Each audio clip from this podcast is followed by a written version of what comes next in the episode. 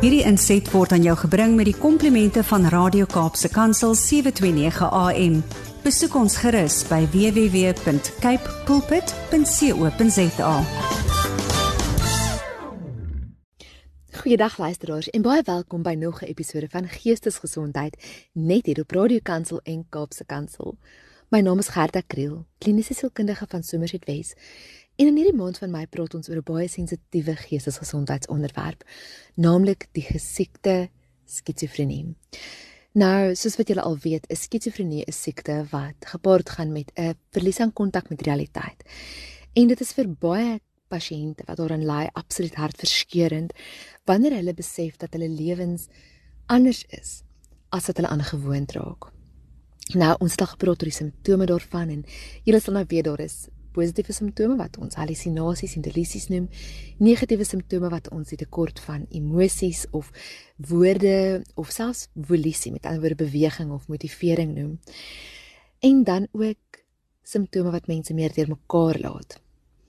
Nou elke deel van hierdie simptome word teruggetrek na 'n dopamien probleem in die brein en en ek moet sê navorsers is onseker of dit 'n oormaat dopamien of 'n 'n ondergang van dopamien is, maar ons weet dat dopinergiese medikasies werklik uitstekende behandeling is vir die siekte skizofrenie.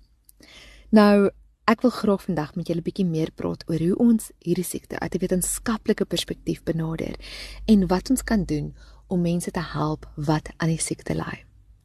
Eerstens is dit belangrik om te besef dat die persoon wat skizofrenie het, se regte steeds dieselfde is as myne en joune en dit beteken dat hulle steeds geregtig is daaroor om met respek en veiligheid hanteer te word. Dieselfde respek wat ek en jy graag wil ontvang wanneer iemand met ons werk, wil iemand met skizofrenie ook graag ontvang.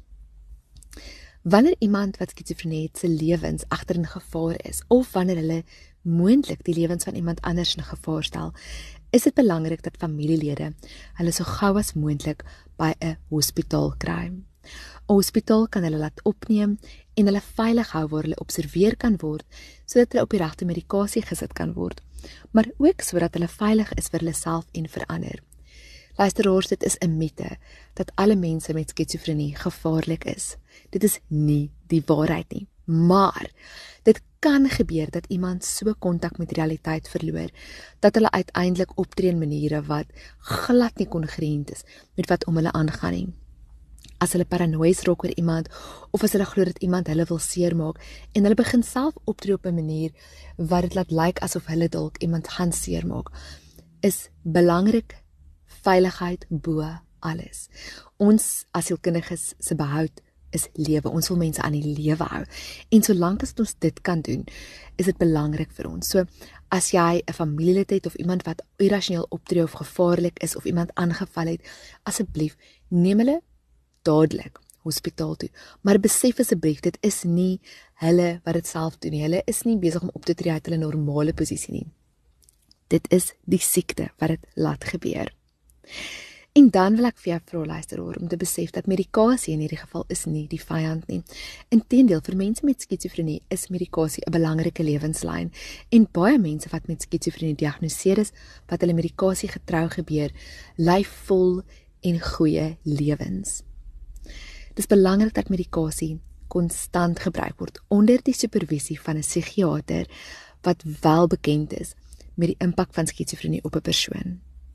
Dis ook belangrik as deel van sy behandeling dat daar ritme en rotine in die persoon se dag gestel word. So dit kan deur 'n familielid of deur 'n huweliksmaat fasiliteer word, maar dit is baie belangrik dat daar voorspelbaarheid en ritme is. Dit is ook belangrik dat die persoon met skizofrenie nie voel asof hulle 'n las is nie. So gee vir hulle iets om te doen, take om te doen, eenvoudige dinge, nie kompleks nie. Tensy hulle 'n um, in staat is tot meer komplekse dinge, maar bly op hulle vlak en maak dit seker hulle voel nie dat hulle 'n oorlas is of 'n las is vir hulle familie nie, want dit is vir ons wat nie skizofrenie het nie, net so sleg om te voel asof ons 'n oorlas is. Hoeveel te meer vir iemand wat geen beheer het oor hulle siekte en toestand nie. So maak hulle asseblief bewus daarvan. Terapie kan help om te werk met die impak van die siekte in 'n persoon se lewe. Met ander woorde, om te praat oor hoe die delusies of die hallusinasies iemand se lewe impakteer, die angstigheid waarmee saamgaan, die vrese waarmee saamgaan. So dis ook belangrik om 'n sielkundige of 'n beraader te betrek by die proses.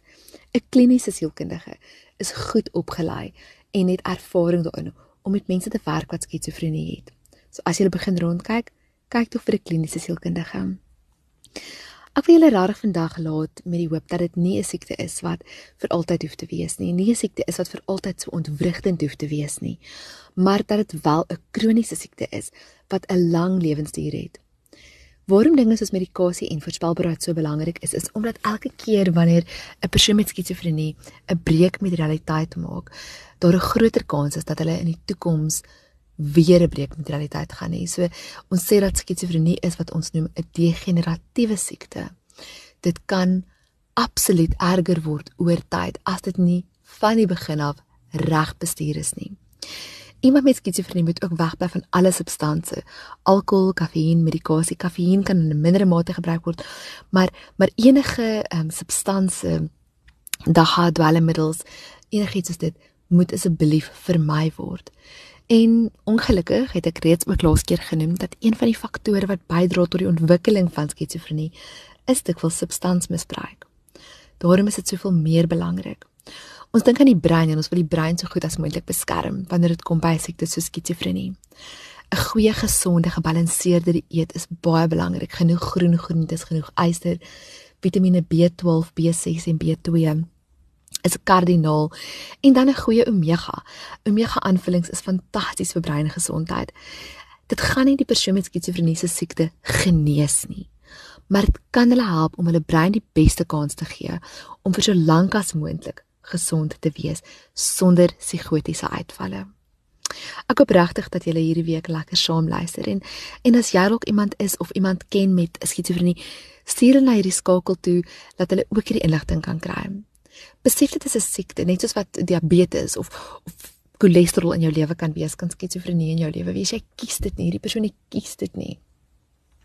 Ons rol as kinders van die Here is om vir hulle 'n veilige wêreld te skep waarin hulle die hulp kan kry wat hulle nodig het om hierdie siekte ook te help bestuur of te oorkom.